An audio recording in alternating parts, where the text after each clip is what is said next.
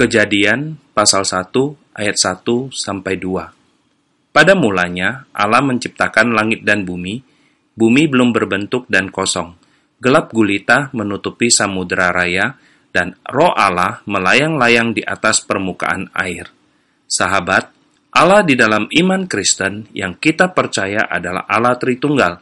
Dia adalah Allah yang Esa, dia adalah Allah yang tidak hanya menciptakan tetapi juga memelihara, menopang, dan menyelamatkan. Dia adalah Allah yang menciptakan dari tidak ada menjadi ada. Dia adalah Allah yang terus berkarya di dalam kehidupan manusia.